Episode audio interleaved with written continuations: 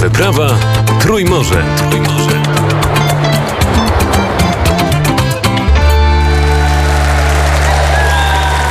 Sponsorem wspierającym wielkiej wyprawy Trójmorze jest PKN Orlen. Siedzimy w parku przed e, budynkiem parlamentu. E, Pana rodzina wyjechała z Rygi w 1944 roku. Nieprawdaż? Yes. Tak, to był ostatni pociąg do Berlina w sierpniu. Stał na torze przez dwa tygodnie w bezruchu, ale w końcu Niemcy zostali zmuszeni do odwrotu w Kurlandii i pociąg ruszył. Mój ojciec dał skrzynkę wódki kierowcy, kiedy ten powiedział, że jedziemy. I wtedy rozpoczęło się życie w Berlinie. To był pociąg niemiecki. To był ja, jaki typ transportu? Yes, it was German. Tak, sądzę, że był to niemiecki Uh, pociąg. had to change trains in Berlin. Mieliśmy przesiąść się w Berlinie do pociągu jadącego do a To była miejscowość wypoczynkowa nad rzeką. Mój ojciec miał tam niemieckich krewnych, wiecie, dalekich krewnych. Więc tam pojechaliśmy. Tam dostał pracę, ponieważ musiał wspierać rodzinę. Kiedy doszło do wydarzeń w Dreźnie, Drezno wcale nie jest tak daleko. Widzieliśmy dym, ja tego nie pamiętałem, ale moja rodzina, czyli ojciec i matka, widzieli dym nad Dreznem. W koło latały różne kartki. Moja mama znalazła stronę z Biblii. Z Drezna przychodzili ludzie o czarnych twarzach. To było okropne. Gdybyśmy wyszli dzień wcześniej, nie siedziałbym tutaj. Ominęliśmy to o włos, te brytyjskie bomby zapalające w Dreźnie. To my próbujemy znaleźć e, tożsamość Łotyszy, bo no, w Polsce niewyobrażalne, że ktoś pociągiem niemieckim wyjeżdża z Warszawy przed armią sowiecką. Dwie armie to były armie wrogie. Yes, well, um, Tak, cóż, musieliśmy również uciekać przed Amerykanami. Americans they were big friends of Russia, you know. Uh, uh, Ponieważ Amerykanie byli przyjaciółmi Rosji, wiecie, uważali, że powinniśmy zostać oddani Sowietom, ponieważ jesteśmy uchodźcami. Moi dziadkowie musieli uciekać przed nimi. Moja matka, jak i ojciec znali angielski, więc udało nam się przejść przez linie amerykańskie.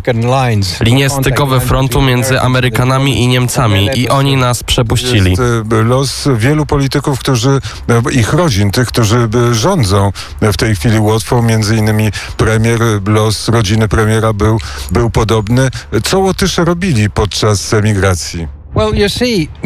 Cóż, widzicie, doświadczyliśmy rosyjsko-sowieckiej okupacji w okresie 1940-41. W przeciwieństwie do Polski, potem przyszli Niemcy i wypchnęli Rosjan, jeden lub dwa dni po wielkiej deportacji Łotyszy. Łotewskie społeczeństwo uważało, że Niemcy są wyzwolicielami. Mówili, zostaliśmy zbawieni. Wiesz, rodzina mojej matki wujkowie zostali wszyscy deportowani. Dlatego tak to wygląda, bo jak nie brałeś udziału w polityce, Niemcy zostawiali cię w spokoju. Próbowaliśmy pomóc żydowskiemu lekarzowi, ale bezskutecznie. Dlatego, kiedy Rosjanie chcieli wrócić i wrócili, wiedzieliśmy, że musimy dotrzeć jak najdalej na zachód i dołączyć do Brytyjczyków i Amerykanów. Nie Niemców, ale Brytyjczyków i Amerykanów. A jakie były rosyjskie represje tutaj sowieckie? Były okropne, to był rok terroru, bo w przeciwieństwie do Polski zostaliśmy włączeni do Związku Radzieckiego. Byliśmy częścią Związku Radzieckiego. Wszystko działo się według rozkazów Moskwy. Był terror, czeka, KGB, wiecie. Aresztowali wszystkich Łotyszy, którzy byli jakkolwiek zasłużeni do Łotwy. Zwłaszcza jeśli byli politykami przeciwnymi Związkowi Radzieckiemu, bądź walczyli ze Związkiem Radzieckim w pierwszej wojnie wyzwoleńczeń. Więc to był rok, kiedy wszyscy byli przerażeni. So it was a year everybody was afraid. Są jakieś e, statystyki, ilu Łotyszy wywieziono na Syberię, ilu Łotyszy zginęło? Oh yes, of course we have statistics. Tak, oczywiście mamy statystyki. 14 czerwca, pamiętacie, Niemcy weszli kilka dni później. 14 czerwca tylko w jedną noc ponad 15 tysięcy Łotyszy zostało wsadzonych do bydlęcych wagonów i wywiezionych na Syberię. Nie wszyscy byli etnicznymi Łotyszami. Większość była, ale byli ludzie także innych narodowości, w tym Żydzi, swoją drogą bogaci Żydzi i Polacy, a nawet Rosjanie. Ale większość z nich to byli Łotysze, w tym ponad 400 małych dzieci. To był ogromny szok. Moja mama widziała to w Gulbene i poszła na dworzec kolejowy, żeby dać im przez kraty wagonów mleko i coś do zjedzenia. For Ci the ludzie nie mieli nic do jedzenia, głodowali. Rozmawiamy e, w rocznicę paktu Ribbentrop-Mołotow. Nie obawia się pan teraz powtórzenia takiej sytuacji? No, there is no more Ribbentrop in the West. But there is. Nie, na zachodzie nie ma już Ribbentropa, ale na wschodzie jest Mołotow i faktycznie jest Stalin. Putin nim jest. On chce odbudować imperium, które Stalin ustanowił po II wojnie światowej. A to oczywiście oznacza, że na dłuższą metę chce odzyskać kraje bałtyckie. Uh, Dlatego wczoraj na koncercie Okean Elzy główny wokalista powiedział, że walczymy o Ukrainę, ale walczymy też dla was, dla całej Europy, bo Imperium Rosyjskie próbuje powrócić. A czy Niemcy trochę takiej roli nie pełnią, nie popełniają czynów, które mogą mieć znamiona pewnej zdrady względem Europy? Uh, Jeden z przewodniczących niemieckiego Bundestagu, zapomniałem jego imienia, jest chrześcijańskim demokratą, nie jednak wolnej partii demokratycznej. Uh, Dwa dni temu powiedział, że Nord Stream 2 powinien zostać otwarty. Oczywiście spotkało się to ze stanowczym sprzeciwem, ale widzicie, Niemcy są tak zależni od rosyjskiego gazu, że na tym tracą. Jest jedno małe miasto na północy Niemiec, z którym jest połączony gazociąg. To oznacza, że teraz całe miasto pozostaje bez środków do życia. Nie mają pracy, ponieważ mieli tysiące ludzi zatrudnionych w rafineriach zasilanych rosyjską ropą. No,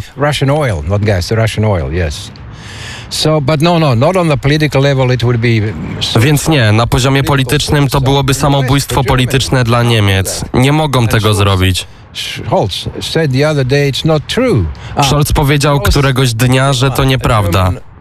Klaus Wittmann, były niemiecki generał w NATO, był na Łotwie. On pochodzi z krajów bałtyckich, to znaczy jego przodkowie. Powiedział tak. Spytałem Scholza, dlaczego nie daje wystarczającej ilości broni, broni wielkiego kalibru. A on odpowiedział, dajemy, one są w drodze. Czytałem, że nawet gepardy, ta artyleria obronna, powietrzna artyleria samobieżna przybywa teraz do Ukrainy. Dobrze, a wróćmy do tej, do tej e, Jałty. Nie, nie powtórzy się to na Krymie, nie powtórzy się to w Jałcie, ale są Chiny, Stany Zjednoczone i Rosja. Bardzo ładnie można podzielić ten światowy tort po raz kolejny. Yes, yes, yes. Tak, tak i jeszcze raz tak. bad. Ale dlatego cieszymy się, że dołączyliśmy do Unii Europejskiej i NATO. Ponieważ są tam odpowiedzialni ludzie, którzy rozumieją, co się dzieje. Naprawdę rozumieją, co się dzieje i na dłuższą metę wiemy, że Rosja przegra z Chinami. Chiny również chcą odzyskać swoje terytorium na Syberii. Wszyscy chcą odzyskać. Rosjanie zgodzili się na ćwiczenia wojskowe Wostok z Chinami. To dar niebios dla Chińczyków. Uczą się, jak Rosjanie walczą i gdzie. To dla nich wspaniałe. To w chińskim interesie narodowym, więc Rosja jest tutaj na przegranej pozycji. No, no, loser. Oh no, Russia is the loser with China. It'll be a vassal state. To będzie jak państwo wasalne. Chiny określają warunki, ile zapłacą za gaz i tak dalej. Tym sensie boję się Trumpa, ponieważ Putin był wielkim przyjacielem Trumpa i był to bardzo dziwny związek między tymi dwoma ludźmi. A Trump mówi, że gdyby był prezydentem, tak by się nie stało. Putin nie najechałby Ukrainy. Co za bzdury. Cieszę się, że Biden tam jest i Biden przywrócił znaczenie NATO. uh, Jednak nie było przestarzałe i daje broń dużego kalibru Ukraińcom. Sami widzicie, co Ukraińcy robią z tymi rakietami artyleryjskimi. Strzelają za liniami wroga. Jestem optymistą co do wojny w Ukrainie. Tak długo, jak obywatele Ukrainy będą mogli walczyć. Statki amerykańskie w ryskim porcie? Yes. Tak, przybyły dwa duże amerykańskie okręty wojenne. Mówili wczoraj o tym w wiadomościach. Nie mam teraz czasu tam pójść, ale widziałem je już wcześniej. Widziałem te amerykańskie statki. To duże statki. I dobre statki. Podobają nam się. Wrócę do pana historii rodzinnej. Pan urodził się poza Łotwą. E, Kiedy pan po raz pierwszy przyjechał do Rygi i co pan tutaj zastał? No, I was born in Latvia. Nie, nie urodziłem się na Łotwie. Wciąż pamiętam jedną scenę z II wojny światowej w Niemczech. Tak, i oczywiście pamiętam te wszystkie lata w obozach. Pamięta się od wieku czterech lat, a ja miałem dwa, kiedy przyjechaliśmy do Niemiec. Więc mniej więcej od wieku czterech lub pięciu lat pamiętam całkiem sporo. Pamiętam scenę wojenną. Szliśmy z Drezna do Oldenburga, gdzie była armia brytyjska. Szliśmy tylko przez tereny wiejskie, ponieważ w miastach było zbyt niebezpiecznie. Uh, Czasami byliśmy w miastach i wtedy zrzucano bomby. Ale staraliśmy się unikać miast. Byliśmy w bardzo dużym domu. Pamiętam, że była tam ogromna klatka schodowa z drewnianymi balustradami. Zjeżdżałem po niej. My, dzieci, świetnie się tam bawiliśmy. Wraz z moim bratem i siostrą. Była tam jeszcze inna dziewczynka, ponieważ podróżowaliśmy pieszo z inną rodziną i oni mieli dwoje dzieci. Nagle zobaczyłem, jak tata podchodzi do okna, a okna były zakryte. On tylko odsunął trochę zasłonę, aby światło się nie wydostało, ponieważ na wojnie trzeba mieć zakryte okna. I patrzył w górę. Chyba słyszałem jakiś hałas. Nie jestem pewien, ale widziałem, jak przesuwa zasłonę. To musiało oznaczać, że wciąż latały i bombardowały samoloty brytyjskie i amerykańskie. Co innego mogło to być? Ciekawe jest to, że nam, dzieciom, nic nie musiano mówić. Spieliśmy się i staliśmy się nieruchomi. Nie wydawaliśmy żadnego dźwięku, jak zwierzęta, niczym psy, wilki i gepardy. Kiedy rodzice wysyłają sygnał, którego człowiek nie słyszy, stają się bardzo ciche, bez względu na to, co robią. I my tak robiliśmy. Byliśmy uwarunkowani przez wojnę. Musisz być spokojny, po prostu trzymasz gębę na kłódkę i czekasz. To lepiej pan rozumie to, co dzieje się teraz na Ukrainie. No ja, no when, Ach, tak, no, moi rodzice wiele nam opowiadali. Dorastaliśmy też w obozach. Oczywiście, rozumiemy to. Moja mama powiedziała, że w miastach, przez które szliśmy, zostały tylko kominy. Wszystko zostało zbombardowane i rozniesione na kawałki. Oczywiście, Drezno. Mówiłem ci o Dreźnie. To było okropne. Wielu Łotyszów zginęło w Dreźnie, ponieważ udali się tam uchodźcy. Z uwagi na to, że Drezno było miastem nauki i kultury. Nie było tam instalacji wojskowych, dlatego sądzili, że Drezno to bezpieczne miasto. Ale zostało zbombardowane przez Brytyjczyków dwa razy, dwie noce z rzędu. Wróćmy do pana powrotu do Rygi. W którym roku, co pan zastał i czy pan poznał homo sovieticusa? E, To materiał na kolejny wywiad. I came back in 19 Ponieważ wróciłem w 1970, 1970 jako gość KGB. A. KGB miało Komitet do Spraw Kultury i do Spraw Relacji z Uchodźcami. To była organizacja fasadowa, oczywiście była prowadzona przez KGB. Wszyscy o tym wiedzieliśmy, ale byłem młodym człowiekiem. Miałem swoje sukcesy w polityce. Byłem swego rodzaju przywódcą młodzieży. I was a sort of leader of the youth. A oni powiedzieli, dlaczego nie przyjedziesz na Łotwę? Zapłacimy za wszystko, a potem zobaczysz na własne oczy, jak to jest. Skonsultowałem się z historykami i znanymi politykami w Szwecji. Oni powiedzieli, dlaczego tego nie zrobisz? Powiedziałem zgoda. Dodali, potem wrócisz i opowiesz nam. Więc pojechałem. Miałem przy sobie mały notatnik. Wiedziałem, co robię. Miałem notatnik, który zawsze trzymałem w kieszeni. Nigdy go nie zostawiałem w hotelu Ryga. Uh, Sam przewodniczący komitetu Imants Lesinskins zajmował się mną przez większość czasu. Zabierał na bankiety, oprowadzał po wsiach i tak dalej. Próbował, nie był głupi, to nie była głupia propaganda. Był bardzo sprawny, bardzo wykształcony, był erudytą. Był prawie neutralny, rozumiecie?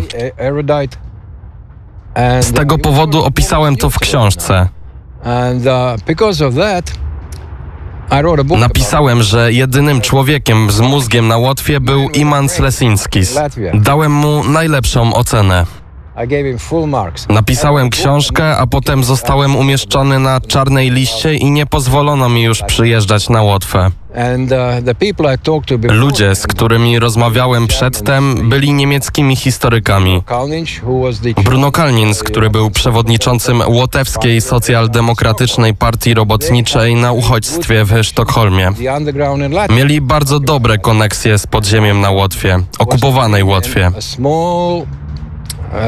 Moim zdaniem było przyniesienie im małego biuletynu o tym, co robi partia w ramach międzynarodówki socjalistycznej. Była to ogromna organizacja. Uh, Moją przykrywką było to, że chciałem przeprowadzić wywiad ze starym socjaldemokratą, uh, ponieważ on mógł mi opowiedzieć o rewolucji w 1905 roku, ponieważ to był temat mojej pracy doktoranckiej. Zostałem wysłany do biblioteki i przekazano mi materiał na ten temat. I to było Po prostu tego posłuchacie. Powiedziałem do pana at me. słuchaj, muszę przeprowadzić wywiad z tym starym socjaldemokratą. Nie masz nic przeciwko, prawda? On mówi, patrząc na mnie, cóż, zobaczę. Wrócę. Po dwóch dniach powiedział, obawiam się, że nie możemy tego zorganizować. Zrozumieli, że jestem osobą, która nawet w wywiadzie o rewolucji w 1905 roku ma coś do przekazania temu człowiekowi podziemia. Wiecie, co stało się później. Ten Imant Lesinskis uciekł na zachód, a ponieważ nazwałem go mózgiem, łotewskie KGB i partia dały mu wyższy status w KGB i pozwoliły mu zostać urzędnikiem ONZ w Nowym Jorku, ponieważ mu ufali, gdyż był mózgiem. Płaciła mu Organizacja Narodów Zjednoczonych, żyło mu się bardzo dobrze, więc jak to mówimy w Ameryce, wskoczył na statek, zabrał swoją walizkę, córkę i żonę. Ufali mu. Nawet jego córka mogła go odwiedzać. Jego żona tam była. Czekała tam żółta taksówka, była to oczywiście taksówka CIA. Wsiadł i odjechał. Dostał fałszywą tożsamość, ochronę, bezpieczny dom w Teksasie. Po jakimś czasie zmęczył się tam życiem i chciał wrócić na uchodźstwo, aby z nami porozmawiać. Następnie odwiedził Łotwę i odwiedził Bruno Kalnins, tego samego, o którym opowiadałem, ponieważ on miał dużo do powiedzenia na jego temat, dużo o tym, co się działo na Łotwie. Ja pracowałem dla Szwedzkiego Instytutu Spraw Międzynarodowych. Zaaranżowałem dla niego przemówienie w instytucie. Instytut był pełen. Nie można było się ruszyć. Poszliśmy później na kolację do Starego Miasta i oczywiście go eskortowałem razem z Secret Service. Oh. Miałem ciekawą historię z Secret Service. Ale w każdym razie Lesinski podszedł do mnie po przemówieniu i powiedział. Dziękuję, Atis. Za co?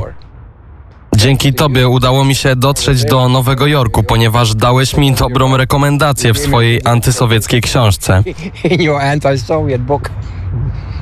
Wyobrażacie sobie, jak pokręcone mogą być losy historii? Wyobraźcie sobie, że byłbym głupi i poddał się od początku jego argumentacji.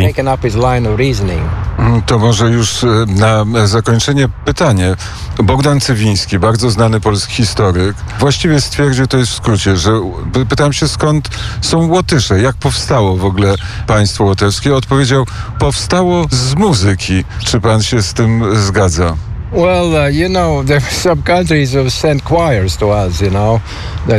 Wiesz, są kraje, które wysyłały do nas chóry. Said... Myśleli, że nie umiemy śpiewać i powiedzieli: Nie mamy was czego uczyć, możemy was tylko słuchać. Wiecie, wszyscy nasi śpiewacy znajdują zatrudnienie w operach gdzie indziej i są świetni. Więc naprawdę znamy się na muzyce. Ale to jest problem małych krajów. Wiesz, mamy tylu tych utalentowanych muzyków, a oni nie mogą tutaj znaleźć pracy, więc wyjeżdżają za granicę. Za każdym razem, gdy kogoś wyszkolimy w naszich szkołach, to potem znika. Oczywiście nie tracą z nami kontaktu, wracają i śpiewają tutaj, ale to jest problem. Cóż, przypuszczam, że teraz należymy do międzynarodowej społeczności. Tak jest. Ale tak potrafimy what śpiewać. Zawsze śpiewaliśmy. Właśnie to jest interesujące w Ukrainie. Kiedy byliśmy na uchodźstwie, nawet na okupowanej Łotwie. Łotysze spotykali się wieczorami po tańcach czy czymkolwiek, zawsze śpiewali stare piosenki. Prawdopodobnie to pomogło nam uwierzyć w Łotwę. Wiecie, ostatecznie to cud, bo po wojnie została tylko połowa Łotyszów. Przybyło wielu Rosjan, A potem odzyskaliśmy niepodległość. Może to właśnie odegrało jakiś czynnik. Oczywiście śpiewająca rewolucja miała miejsce, ale ta śpiewająca rewolucja trwała już od 1945 roku. A Ukraińcy? Tak, zastanawiałem się, jak to jest teraz na Ukrainie. Ale koncert, na którym wczoraj byłem, był bardzo inspirujący, ponieważ byli tacy patriotyczni, byli tacy silni i byli tacy zaangażowani. Myślę, że wszyscy byli żołnierzami w obronie terytorialnej. Uh. To nas zainspirowało. Przekazujemy dużo pieniędzy, aby im pomóc. Zaledwie dwa tygodnie temu, trzy tygodnie temu wysłaliśmy sześć haubic z Austrii, które kupiliśmy od Austrii po dobrej cenie, ponieważ byli tacy głupi, że likwidowali swoją armię. Myśleli, że pokój będzie na zawsze, więc mieliśmy je w dobrej cenie. Te samowieżne haubice strzelają na odległość ponad 20 kilometrów.